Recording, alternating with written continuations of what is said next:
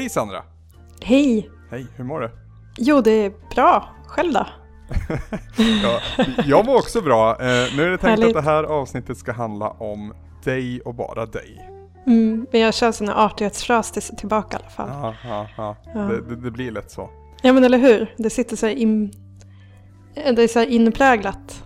Ja. Man ska vara snäll tillbaka. Tanken med de här avsnitten nu under sommaren är att lära känna oss på redaktionen bättre. Och Mm. eh, jag- jag tror att många kommer lära känna dig mycket mer i det här avsnittet. Men vi börjar i rätt ände. Vem är du, Sandra? Ja, Men det är ju bra att du ställer lätta frågor, Mm. tycker jag. Ehm, ja, vem är jag? Jag är... Ja, herregud, hur definierar man en människa? Jag kan inte definiera mig själv som vart jag kommer ifrån och hur gammal jag är, för det är ju, det är ju jättetråkigt. Ja men vi börjar där. Vart kommer du ifrån? Vart är du uppväxt? Eh, Jag har från Gävle. och Jag har bott här typ hela mitt liv. Eh, Flyttat hit från ett litet ställe som heter Hedesunda. Okej. Så att i mitt pass så står det Hedesunda så att jag är så här lantis på papper. Men eh, jag har vuxit upp i Gävle. Och trivs väl ganska bra här, bor kvar. Var uppe och vände i Ljusdal en sväng. eh, Som ligger i norra Hälsingland. Men annars har jag bott här. Vad gjorde du i Ljusdal? Jag började läsa på gymnasiet, läste naturbruk med inriktning djurvård. Okej. Eh, men så kände jag att Ljusdal inte var riktigt the place to be, så att säga. Eh, så flyttade jag tillbaka till Gävle igen och så började jag om, så jag har gått gymnasiet i fyra år. Just det. Mm. Just det. Vad gick du förutom naturbruk, sa du det? Ja, precis. Eh, då gick jag, sen gick jag hantverk. Då gick jag till florist. Jag tänkte att jag var groteskt skoltrött. Och det här var precis efter hela den här skolreformen som kom när man kunde börja läsa till lärling och sådana här saker. Så jag tänkte att ja, men det låter ju schysst för då behöver jag inte vara i skolan. Så då hoppade jag på det och så var jag i skolan två dagar i veckan och var och jobbade tre dagar i veckan. Under hela gymnasietiden. Okej. Men ingen av de här utbildningarna är någonting som är ett efterskalv i det, i det så kallade vuxna livet? Alltså, jag har väl typ hankat mig runt lite och jobbat som florist så. Eh, jobbat i butiker vid jul och sånt där, men jag, det är ingenting som jag har hållit i. Eh, och för att vara ärlig så var det väl mest bara för att ta sig igenom gymnasiet typ. Eh, jag tänkte, och jag tänkte nog rätt tror jag också, att jag läste någonting som är enkelt så jag får bra betyg. För får jag bra betyg då kan jag söka vad jag vill sen. Ja, Vad, vill, det- vad vill du söka då? Jag har ju tänkt att söka nu till hösten, eller jag har sökt till hösten. Då kommer jag läsa, om jag kommer in så kommer jag läsa miljövetenskap. Jag har ju provat på det här med att plugga tidigare. Eh, Jag började plugga direkt efter gymnasiet. Men det gick inte så bra. Eh, Så CSN är inte jätteglada på mig heller, så jag håller på att läsa upp lite kurser för att kunna få studiestöd också. Om vi, om vi backar lite ännu längre tillbaka. Mm. Alltså, alltså rent allmänt, hur har din skolgång varit så att säga? Vem var du i, på skolgården? Alltså, jag var den här personen som jag hoppas att mina barn inte ska bli, typ. Nej men... Um, udda. Besserwisser har jag varit, typ under hela min uppväxt. Jag är fortfarande en sån person som tycker om, att, tycker om att kunna saker. Och det gjorde jag redan då. Jag tyckte väldigt mycket om att berätta för alla andra att jag kunde saker också. Men eh, man får inte så mycket kompisar när man är sån. Eh, så jag hade väl inte skitmycket kompisar att umgås med direkt. Eh, jag fick inte vara med när de coola ungarna lekte och sådär. Eh, jag var mest ute i skogen och sprang omkring och lekte häst, typ. Ensam? Ja, jag hade ett par kompisar, hade jag. Eh, vi var väl typ lite likadan allihopa. Vi hängde mycket i stallet och ja, men var, men var lite så här på utsidan, alla tre. Eh, så det var inte så att jag hade det dåligt direkt, det var väl bara mer att ja, men du vet, man blev inte bjuden på kalasen och sådana saker. Okej, men- vilken, vilken årgång pratar vi om nu? Nu pratar vi, alltså inte bli bjuden på kalas har jag nog aldrig blivit faktiskt. Eh, men springa omkring och leka häst det tog nog slut när jag kom upp i mellanstadiet sådär. När, du, när vi började komma upp mot högstadiet sen då? Mm. Då händer det ju någonting med människan. Det gör ju det. Hur, hur var de åren på vägen in till vuxenlivet? Gud, ja, det var ju kanske inte de bästa åren på många sätt och andra, på andra sätt var det bra. Det var, det var väl samma sak där att jag har ju alltid varit udda och alltid både sett och ställt mig själv lite på sidan skulle jag tro. Men de personer jag hittade och trivdes med, de trivdes jag jättebra med. Eh, och har ju kontakt med flera av dem idag också. Varför tror du att du ställde det på sidan? Jag tror att det handlar lite om att man tror att man hör hemma där. För många av de här, speciellt alltså på, om vi pratar högstadiet så är det, åtminstone för mig och där jag gick så var det så tydligt med roller. Man har de coola och man har de sportiga och man har de där som bara lyssnar på Iron Maiden och man har liksom, alltså det finns ju de här kategorierna liksom. Och jag tror nog på ett sätt att man, att det både i sig själv och från andra liksom är förbestämt vilken kategori man tillhör. Sen finns det ju de som givetvis glider omkring och bara halkar in i alla grupper och det funkar skitbra för dem, absolut. Men jag tror nog att jag redan från början kände att det var där i hörnet som jag hörde hemma. Känner du så fortfarande? Jag bestämde mig för att sluta känna så när jag började på högsko äh, högskolan. Okay. Äh, men jag tror att det är en sån sak som alltid sitter kvar på ett sätt. Man alltid tror att de lite mörkare delarna hör till en. Vilka mörka delar är det du tänker på? Nej men både... Jag vet inte, jag är en sån där person som, jag, som går hem tidigast från festen. Liksom. Jag är en sån där person som säger nej till att umgås eller som ställer in ganska tätt inpå. Bara för att det känns som att det inte riktigt är jag att göra de här sakerna. Som att man blir påmind om vem man egentligen är. Och det är ju kanske inte en jätte jättefin sida av en själv att man tycker om att trycka ner sig själv liksom. Men jag tror att det är en rest från den tiden. Och det är svårt att släppa på de mönster som man, som man skapade då. Jag har en förberedd fråga här Sandra där det står att jag ska fråga dig när du kom på vem du ville bli. Alltså det är en sån jättekonstig fråga för ja. det har jag ju fortfarande inte gjort. Okej. Okay. jag har ingen aning. Jag har ju också då där på högstadiet så träffade jag min första pojkvän som också visade sig bli min pojkvän ända tills jag var 21, 22. Någonstans där. Vi var tillsammans i åtta år. Eh, och då trodde jag att du var en person. Då trodde jag att jag visste vem jag var och vart jag var på väg. Och hus och hund och bil och hela den köret. Och sen så tog det slut. Och då blev jag tvungen att utvärdera vem jag var igen. Och det, jag tror att livet är så på ett sätt att man måste omvärdera sig själv hela tiden, annars så tror jag att man sitter fast. Eller jag kanske snarare hoppas att det är så, för jag tror att jag kommer göra så hela livet i alla fall. Omvärdera mig själv.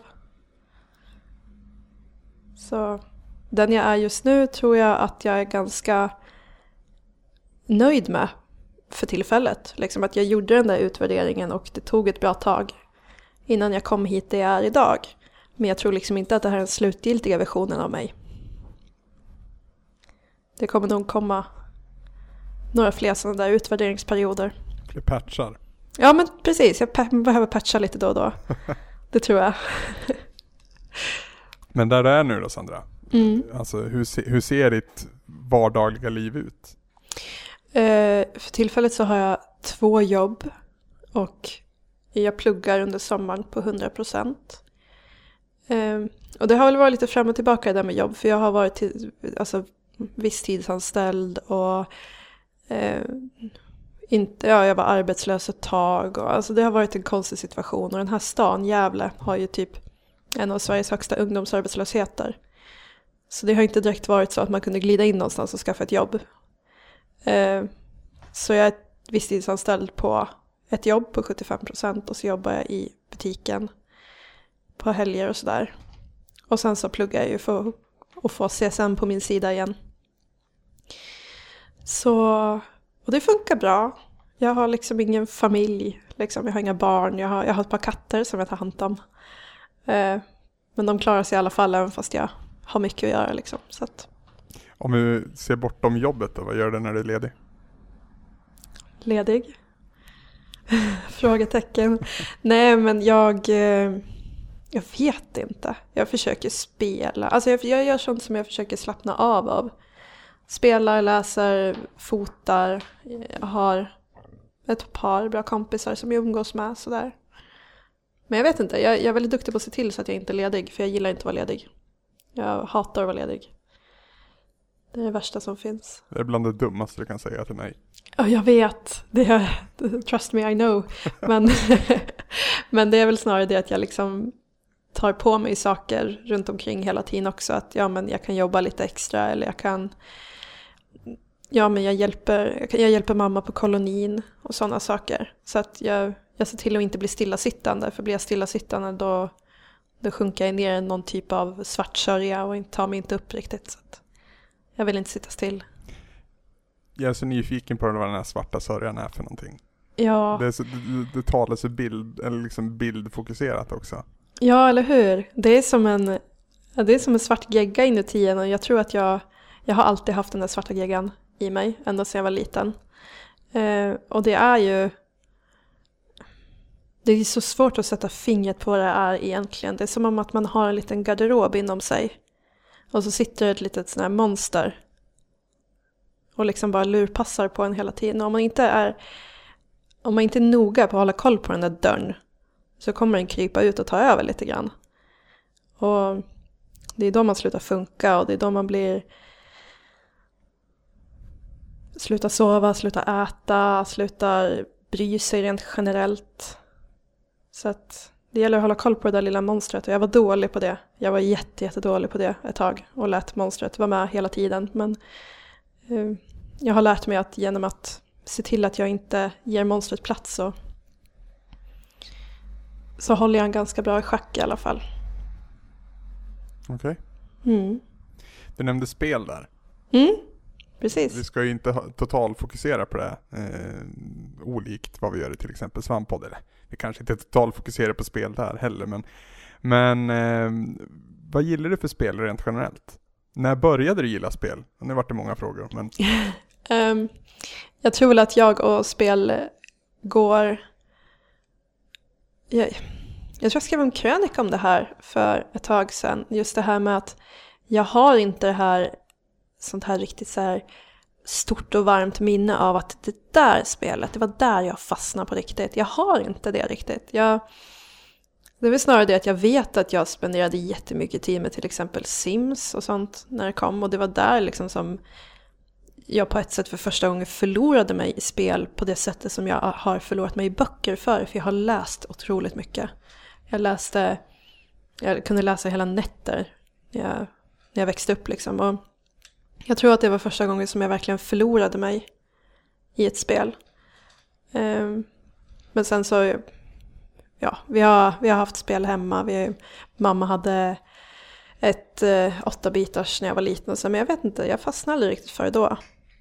Men sen har jag kommit fram till att det är liksom de här berättelserna som jag fastnar för.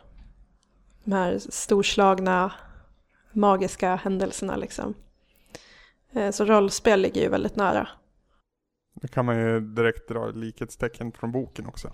Mm, men eller hur? Det är, det är mycket det liksom att jag vill ha jag vill ha någonting att förlora mig i som faktiskt som faktiskt engagerar mitt intellekt också. Jag, jag gillar inte det här bara casual-spela, jag tycker inte om att sitta liksom och nu ska jag väl inte peka på en eh, farlig mark, jag ska inte peka på så här Mario och så, men alltså jag har inte fastnat för det, den typen av spelande överhuvudtaget. Det är inte alls, utan jag vill ha någonting som, ja men som kanske kittlar det där monstret lite grann. Som liksom kryper in och petar på den i garderoben och säger, hör du, det här ser väl spännande ut. Det, det är något sånt jag vill ha, det, så jag gillar ju spel som Dragon Age som jag tjatar om typ jämt. Eh, men det är ett sånt bra exempel på, på den typen av berättelser som jag gillar både från, både från filmer, spel, böcker. Sagan om ringen är jag ju ett enormt fan av. Jag har läst allt, Silmarillion och hela köret. Jag har läst alla Game of Thrones, jag läste Raymond i Faced. Alltså det, det är ganska tydligt att jag kommer från fantasy-genren från första början också. Vad är det du gillar med fantasy då? Det är väl det att man får förlora sig i någonting som inte... om det är någonting som skulle kunna hända på riktigt, då kan jag se mig själv i situationer. Jag gillar inte att se mig själv i situationer för jag vet att jag skulle ha handlat annorlunda. För att jag är inte lika häftig eller cool eller modig som de är i de här moderna spelen liksom. Men jag kan liksom inte läsa in mig själv i ett fantasyspel och därför så kan jag tillåta mig själv att lita på den här karaktären som är modig eller häftig eller så. Jag tror på det på ett helt annat sätt. Det är någonting som måste ta tag i mig mentalt liksom.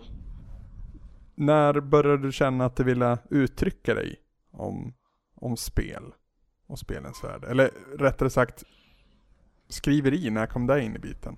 Ja, det har jag alltid haft. Gud, skulle du fråga min mamma om det här, då skulle hon så här, dra fram så här, att jag skrev typ Åh, när vi fick första datorn kommer jag ihåg att vi, vi hade en skrivare också. Så jag så satt och skrev berättelser i Word med så storlek 36 eller någonting på typsnittet så att det blev liksom så här tjockt. Så att det blev flera papper. Och så skrev jag någon så här jätteberättelse och så satte jag ihop det och så, så gav jag till mamma och sa att jag hade skrivit en bok. Alltså, och då var inte jag gammal. Så att det, det, har liksom alltid funnits med och sen så under mina svarta svåra år som tonåring så skrev man ju poesi och sånt där. Så, jo men skriva har jag alltid gillat och jag har det har alltid funkat bra som ämne i skolan också, både engelska och svenska liksom. Så att själva skriveriet har alltid funnits med och sen som sagt, en besserwisser från start så jag tycker om att tycka saker. Så sen så inser man att men, hmm, jag kan tycka till om spel och jag kan skriva om det också. Så att eh, jag tror att det kom ganska naturligt att jag bara började. När, när jag fick ett forum så fanns det utrymme för mig att, att tycka och skriva. När fick du det där forumet då? Jag blev... Eh, jag, jag hade typ, alltså när man är användare på Game Reactor så har man en sån blogg. Och jag kommer ihåg att jag skrev mycket i den där bloggen, kommer ihåg, det låter som att det är hur länge sedan som helst, men jag skrev mycket i den där bloggen om verkligen allt möjligt. Och därifrån så hörde en kille från Spelnyheterna av sig och frågade om jag ville prova skriva någonting. Så då halkade jag in där och hängde på Spelnyheterna ett tag tills ni ryckte tag i mig och drog in mig på riket. Det var det fast track hela vägen. Ja men verkligen, jag har halkat omkring på ett bananskal kan man säga. Så att... Varför tror du att det har gått så pass fort och varför tror du folk har varit intresserade av, av dig och ditt sätt att skriva? Jag vet inte faktiskt. Det, mitt dåliga självförtroende har ju svårt att se liksom vad det är för någonting som gör att folk egentligen tycker att jag, att det jag tycker och gör är vettigt. Men jag tror väl att, jag vill ju hoppas att det är det att, att jag har ett eget språk. Förhoppningsvis. Jag vill ju liksom inte vara bara någon i mängden som skriver något utfyllnad utan jag hoppas att folk ty tycker att jag har ett eget språk och att det jag skriver kanske inte alltid är vettigt men att det är intressant åtminstone. Jag kan ju svara på det där, men det här avsnittet handlar om dig som sagt. Du får gärna svara mig sen. Ja, när, så kan jag få höra. Stopp, ska... Precis. det får bli en hemlighet så kan alla, alla som lyssnar få svara i kommentarerna och säga varför de tycker om mig. Gud vad hemskt. Jättebra idé. Gud vad hemskt. Det kanske de skriver varför de inte tycker om mig också. Men... Finns det sådana? Ja, det gör det. Det gör det. Hur hanterar du kritik rent allmänt? Jättedåligt. Jag, jag är hemskt dålig på att ta kritik. Och det handlar inte om att jag inte kan lyssna och förstå utan det handlar om att det, jag har lätt för att, ta, alltså, att känna att det är en törn. Att det blir någonting som skaver. Jag, jag kan inte bara skaka av mig det liksom. Eh, så det har ju varit tufft och speciellt i början här på svampriket så var det ju, lyckades jag ju trampa på tår liksom. Och det var jätte, jättejobbigt. Och Ibland så sitter jag liksom, när jag har dåliga dagar så kan jag sitta med hjärtat i halsgropen och kolla efter om det är någon som har tyckt någonting som de inte tycker om mig. Men sen så liksom, äh, live and let live liksom. Man, man kan inte gå omkring i, genom livet och hoppas att alla ska tycka om en för då slutar det med att man blir en kappvändare eller man blir, man blir bara en skugga någonstans. Så kan man inte ha det. Speciellt inte om man gör någonting där man faktiskt måste tycka till. Då, då lär jag ju faktiskt våga säga det jag tycker också. Så jag tror nog att, jag tror nog att hela den här grejen är, att det är bra för mig. Att få möjligheten att tycka och också misslyckas eller liksom att att få kritik och kunna lära mig att hantera det så att jag tror att det är jättebra. Ser du dig själv som vuxen, Sandra? Nej, eller jo. Jag gillar, jag tror att det är Henrik Schyffert som pratar om det i så här sitt, han hade ju någon så här 90s, ett försvarstal, någon sån här grej som han åkte omkring och gjorde. Och jag tror att det var han som sa att vuxen, det är man när man kan ta konsekvenserna av sitt eget handlande. Och om vi går på en sån enkel och ensidig tolkning så ja, jo, då är jag vuxen. Absolut. Um, jag gick omkring med min syster på stan idag och kollade på kläder och klagade över liksom att ja, hur, hur, hur ungdomar klär sig idag, de kan inte ha sånt där på sig. Och, så då kände jag mig också ganska vuxen. Men jag, jag tror att det är, ja, det är relativt. Det är helt beroende på situation och sådär. Men generellt sett ja. Okej. I fallet nej då, vad vill du då bli när du blir stor? Eh, när jag blir stor så vill jag... Jag vet inte, alltså jag, jag ska ju läsa miljövetenskap och jag är ju... Jobbet som jag jobbar på nu är också liksom en så här, där jag har möjlighet att... Man får ett forum att synas om man vill. På ett sätt så har man väl en väldigt en naiv bild av att man vill förändra någonting. Av att man vill göra en skillnad och jag tror nog att det är det som är det viktiga. Kanske därför, är, kanske därför jag skriver också. Vad vet jag, att man vill, göra, man vill göra en skillnad och man vill hoppas att man kan förändra attityder och inställningar. Och just med det jag söker det är ju miljövetenskap. För jag är intresserad av att vi håller på att köra den här planeten åt helvete totalt. Så kanske vill jag rädda världen. Precis som i fantasyspelen. Det är liksom målsättningen med, Ja, med framtiden, att du ska rädda världen. Ja, eller hur? Jag vill, jag vill vara den som står där med botemedlet på allt. På alla krig och på alla miljöproblem och allt som gör att vi redan är i sjunde cirkeln av helvetet liksom. Men drömyrket ligger då någonstans där i miljöarbetet. Ja, någonstans. Jag, jag ser mig själv inte liksom att sitta och jobba på ett kontor på samma ställe i 30 år, det gör jag inte.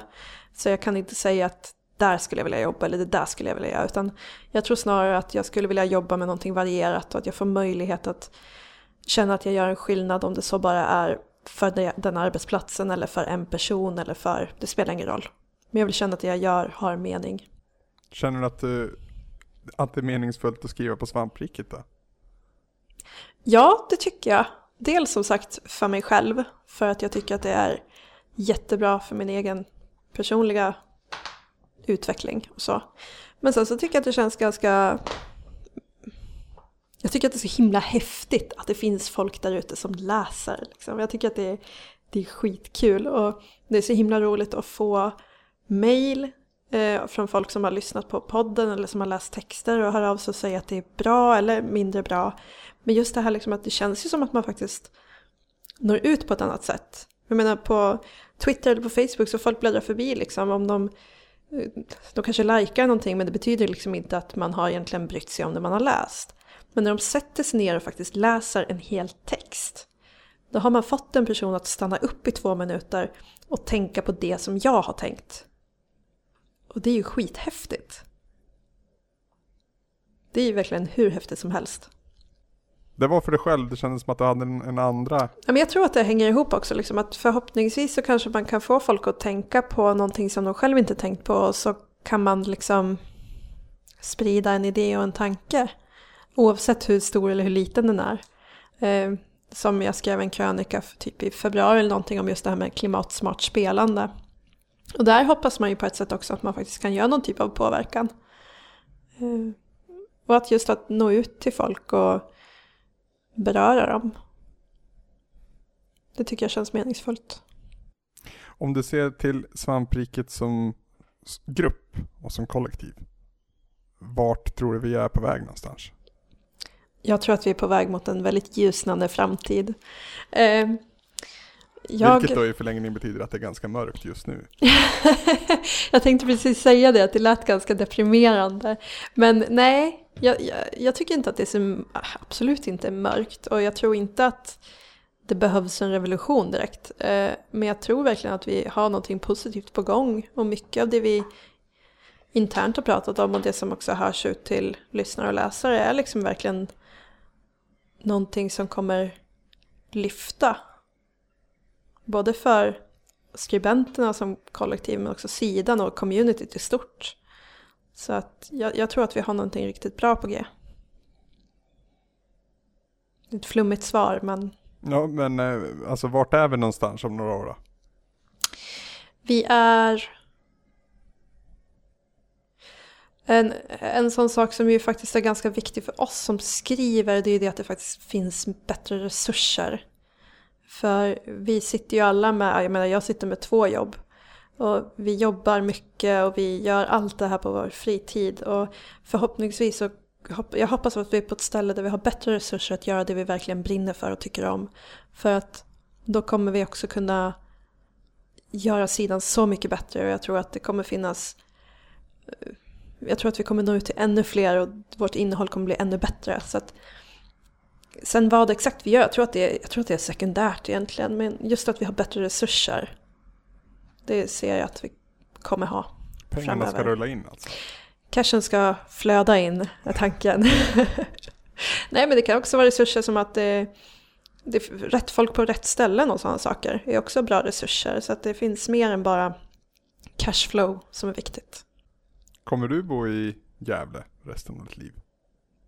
Jag tror inte jag kommer bo i Gävle men jag kommer nog bo i, i närområdet. För, för mig så är familjen jätteviktig. Det, jag är så oerhört tacksam att jag har fötts in i den familj som jag har. Det, det, det är verkligen det, det, bästa stället jag kunde fått. Liksom. Eh, så familjen är viktig, jag vill gärna hålla mig nära familjen. Men däremot så, jag bor mitt i stan nu och jag är ingen stadsmänniska egentligen. Så att jag tror nog att jag kommer bo i något litet hus någonstans med någon liten trädgård och sådär i utkanten mot skogen eller någonting. Men jag tror jag blir kvar i området i alla fall. Du gillar Norrland? Ja, men du, det här är inte Norrland. Jag älskar riktiga Norrland. Det är helt fantastiskt. Men jag skulle nog inte flytta uppåt. Det tror jag inte. Jag tycker om att åka dit. Jag tycker om att åka ut i fjällen och jag tycker om att sätta mig på tåget och åka norrut. Men jag tror inte jag vill bo där. För att summera Sandra, eller för att knyta ihop säcken snarare. Mm. Eh, till mig och till de som lyssnar, finns det någonting som vi inte känner till? Någonting som är hemligt och klassifierat och okänt gällande dig?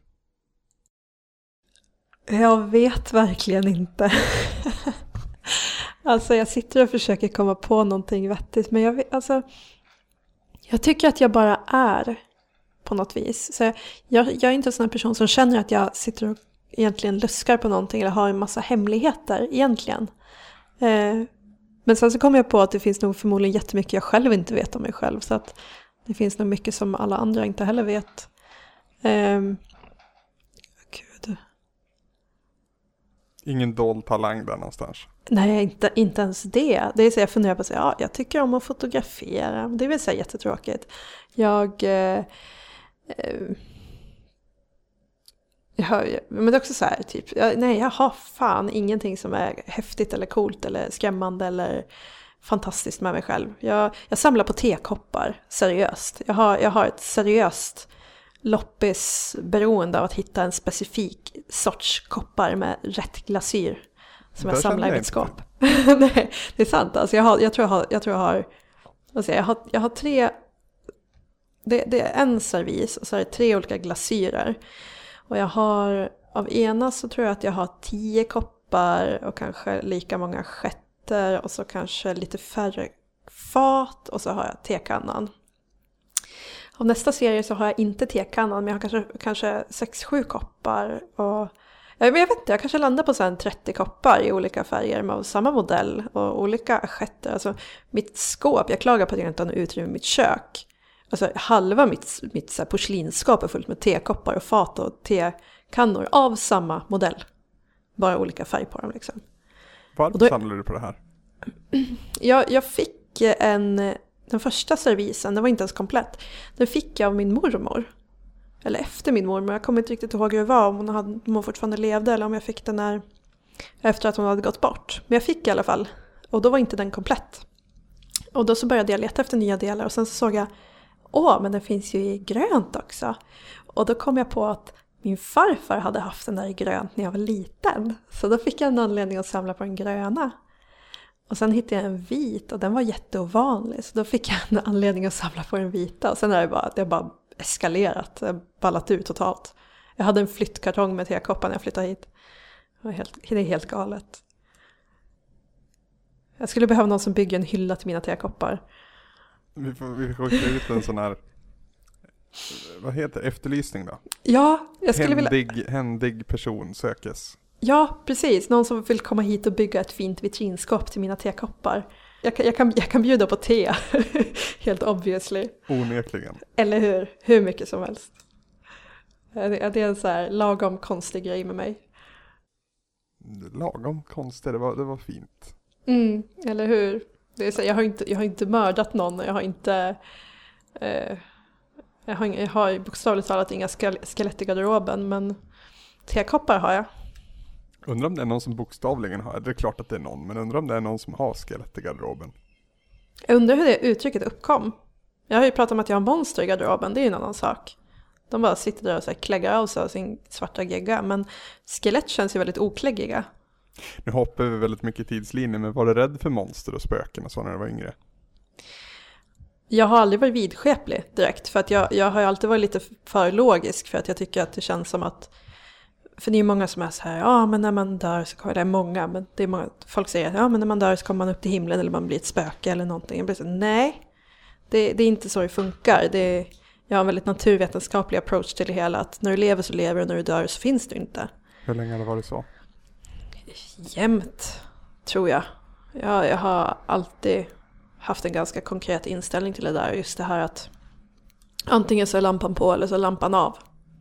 Det att det är så det funkar. Och jag tror inte på att det finns någon specifik energi som är själen som flyter omkring och spökar sig sen. Nej, jag tror verkligen inte på det. Det, det, fin det finns inte en uns i mig som är troende alls på någonting sånt. Så... Vad har du varit eller vad är du rädd för då? Mig själv. Därför att jag vet att en sån person som kan orsaka mig allra mest skada, det är mig själv.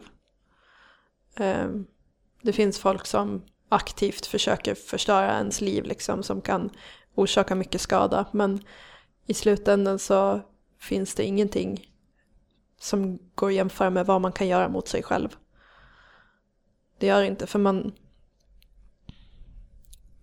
Omgivningen kan sätta en i fängelse fysiskt. Man kan vara med om så hemska saker men när man själv sätter sitt sinne i fängelse det, det är då det liksom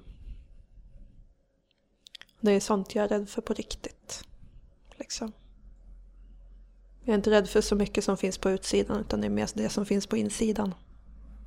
Och det låter så här, det låter så flummigt och det låter så här, åh jag är så svart och mörk och jag är så här mystisk och men eh, jag vet inte, alltså jag tror att det där är ju någonting som finns i oss allihopa. Jag tror att, jag tror att hela gråskalan finns. Vi har allt ifrån det svartaste nattsvarta till det allra ljusaste kritvita i oss. Att vi har hela spektrat. Jag tror inte på gott och jag tror inte på ont. Eh, men jag tror bara det att vart vi befinner oss på skalan. Det är det som avgör vilken typ av person vi är och hur vi mår. Liksom. Och jag tror att min gråskala är ganska mörkt nedställd. Liksom. Jag tror att jag är en sån person. Helt enkelt.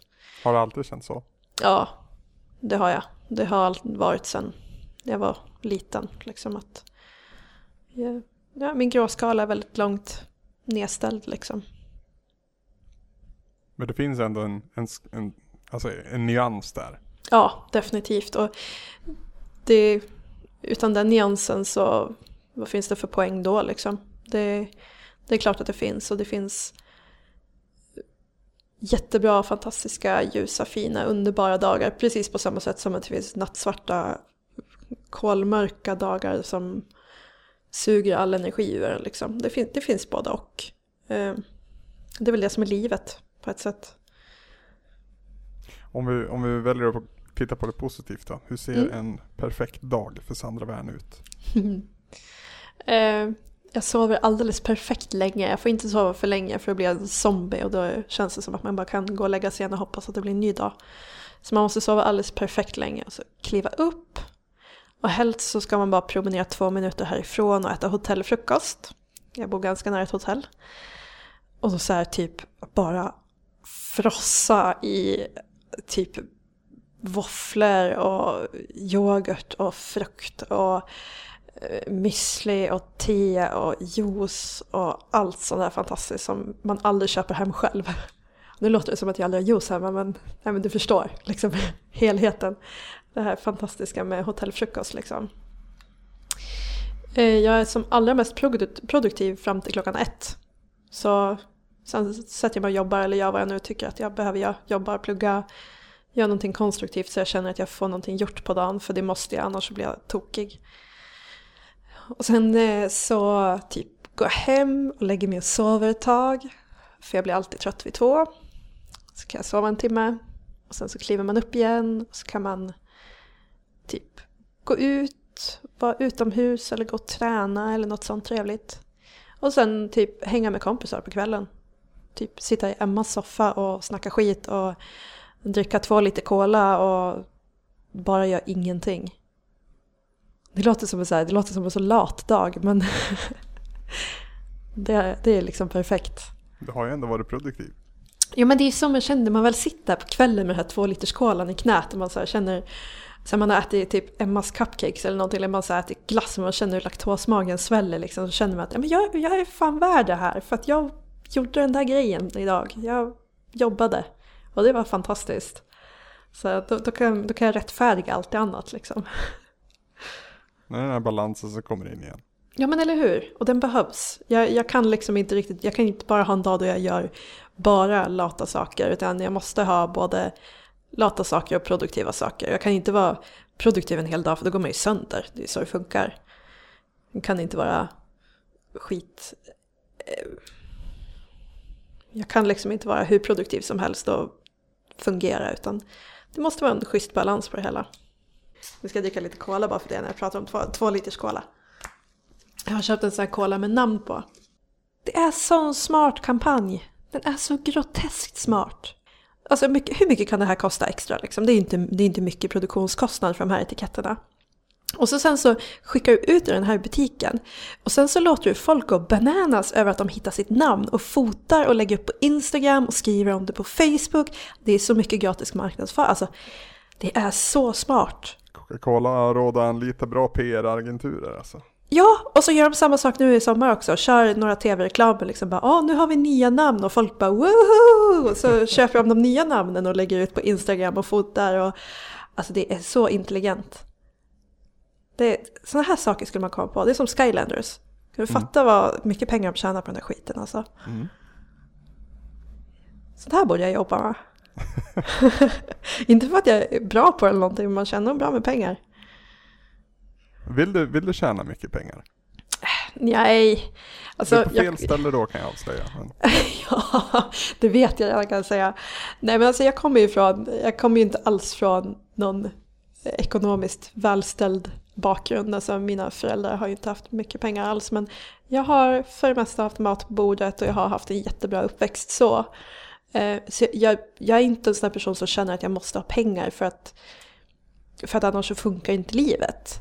Absolut inte. Men jag är väl en sån där som alltid hoppas på att jag ska kunna ge mina barn det jag inte fick liksom. Eh, vad var det du inte fick? jag hade en kompis i klassen som, vars mamma var så här, jobbade på en resebyrå. Hon var ute och reste jättemycket. Och vi liksom åkte aldrig utomlands. Och inte för att det var någonting som jag direkt saknade då. Men jag kommer ihåg att jag liksom egentligen så här bara, men varför gör inte vi det liksom? Var det så här, ja men vad beror det på liksom? Och mina föräldrar har gjort jättemycket uppoffringar för oss och jag är så otroligt tacksam och glad över allt som de har gjort för oss. Eh, så jag är absolut inte på något, jag måste så här framhäva att jag på absolut inget sätt otacksam eller har saknat någonting. Men det är så här, jag vet inte. Man vill väl att jag vet inte, man vill väl alltid att ens framtida barn ska liksom ha det bra eller bättre liksom. Det är, det är en så svår, svår sak att sätta fingret på för nu när du frågar så är det så här, men jag saknade ju inte direkt någonting egentligen. Det är klart man känner så då, men så här i efterhand. Ja, men det är väl snarare det här liksom att nej, jag saknar ingenting men man kan ju alltid ha haft det bättre. Det är väl lite den grejen liksom. Att, för jag menar, herregud, gud förbjude att jag skulle uppfostra några snorungar som inte säger tack när de får en iPhone när de ville ha någonting annat. Alltså förstår du, man hör ju så här skräckhistorier. Om ungar som inte, som är så otroligt bortskämda. Det är, herregud, det är inte den punkten man vill vara på liksom. Men ja, man vill väl att de ska ha det bra liksom. Nu sitter jag och pratar om barn som om att det är någonting jag är så här, åh jag ska skaffa fem barn. Jag vet inte ja, ens om jag vill ha barn. Flera, du har nämnt det flera gånger. Ja jag vet, men jag vet ju egentligen inte om jag vill ha barn. Utan det är så här, jag tror att det handlar om att det är en... Är det en sån här grej du tar tur med när du blir vuxen? Ja, eller att det är en sån sak som är förväntat av en. På något vis. Det finns ju de här förväntningarna liksom som klistrar omkring sig i samhället. Liksom, att man ska, ska ju helst ha barn. Liksom. Men jag menar, det kan väl lika gärna handla om att om jag inte vill få barn så vill jag själv kunna ha, ha det schysst. Liksom. Jag vill kunna tjäna bra liksom och kunna eh, man vill inte kunna köpa precis exakt vad man vill kanske, men jag vill kunna köpa om jag vill ha någonting och jag vill kunna äta det jag vill och vill jag gå ut och äta så ska jag inte behöva fundera på det och så. Alltså liksom att man har det schysst. Liksom. Du vill ha det schysst? Jag vill ha det schysst. Nej men alltså jag har ju, alltså dels när man pluggar, jag menar då lever man ju på så himla lite pengar. Och sen så var jag arbetslös ett tag och hade verkligen inga pengar och fick flytta hem till, flytta, flytta hem till mamma igen liksom. Och den punkten vill man ju inte vara på. Det är inte schysst. Så jag vill inte bara överleva utan jag vill kunna leva också. När flyttade du hem första, första gången? Jag flyttade ju när jag var 16 flyttade jag upp till Ljusdal. Så det var liksom när jag lämnade boet så att säga. Sen så när jag flyttade hem tillbaka till Gävle igen så bodde jag ju då med min pojkvän då. Så vi flyttade ju ihop. Eh, och sen återvände jag ju bara där då när jag blev av med jobbet. För jag var inte alls av med jobbet förresten. Jag eh, slutade plugga och hittade inget jobb. Det måste vara två år sedan i år. Så då fick jag flytta hem och jag, och jag älskar min mamma men eh, det gick ju inte alltid jättesmidigt om man säger så. Jag har bott hemifrån i typ sex år och sen flytta hem. Man förstår ju själv att det är så här. Det är inte optimalt direkt. Nej men ha, ha en fin lägenhet och ha det ganska schysst liksom. Det skulle jag vilja ha. Och eventuellt barn. Ja, kanske. Med rätt person antar jag. Det är väl det som är viktigt också. Vad jag förstått så är du ett ganska gediget kanske fel ord, men ditt musikintresse stämmer överens ganska mycket med mitt. Mm, det har vi kommit fram till. yes. Um, så om du ska välja en låt som beskriver ditt liv på ett bra sätt just nu, soundtracket till ditt liv just nu, vilken blir det då? Det känns ju ganska otippat på ett sätt för att det är absolut inte ett band som jag lyssnar på eller har någon direkt relation till överhuvudtaget. Vilket i mitt musikhjärta tar lite hårt faktiskt. Jag vill ju välja något som jag verkligen älskar och tycker om. Men om jag verkligen ska försöka vara objektiv, där är förmodligen Sometimes You Can't Make It On Your Own med U2. Oj. Faktiskt. Ja, väldigt talande titel. Men eller hur? Jag tycker texten ja. är fantastisk och det är ju rent generellt en fantastisk låt också. Även fast ja, jag inte alltså, lyssnar på dem då särskilt. Nej, men varje gång man lyssnar på YouTube det är inte så att man plågas. Nej, nej. nej, verkligen inte. Ja, men precis. Men det är ju den här arena-grejen liksom. Att de är ju så, ja, de är så pompösa på ett sätt. Så Bigger than life. Mm, men eller hur. Men just den där låten tycker jag är väldigt passande just nu. All right. Det tycker jag. När vi släpper det här avsnittet Sandra så är det ju sommar och vi har lite ledighet. Mm. Vad gör du just nu? Mm. Just nu så tänker jag väldigt mycket på kolonin. Så mamma har ju, mamma har ju precis köpt en koloni Eh, så det, jag tror att det kommer bli där ganska mycket sommar. Jag tänker mycket på den och det, jag är mycket uppslukad av den. Så som sagt jobbet och plugget men det är liksom min, min förhoppning är att kunna hänga på kolonin och läsa kurslitteratur och ligga och sola lite grann och så här och pilla i landet och odla gurkor och sådär. Så att, och det är schysst, det är skönt. Det är så här, jag bo, som sagt, jag bor ju mitt i stan och det är helt fantastiskt att ha liksom en plätt som inte är stan. Som bara är liksom en typ av liten oas. Då knyter vi ihop den här säcken Sandra. Mm. Och så får jag tacka så hjärtligt för den här stunden. Tack själv. Och så säger vi hej då. Hej då.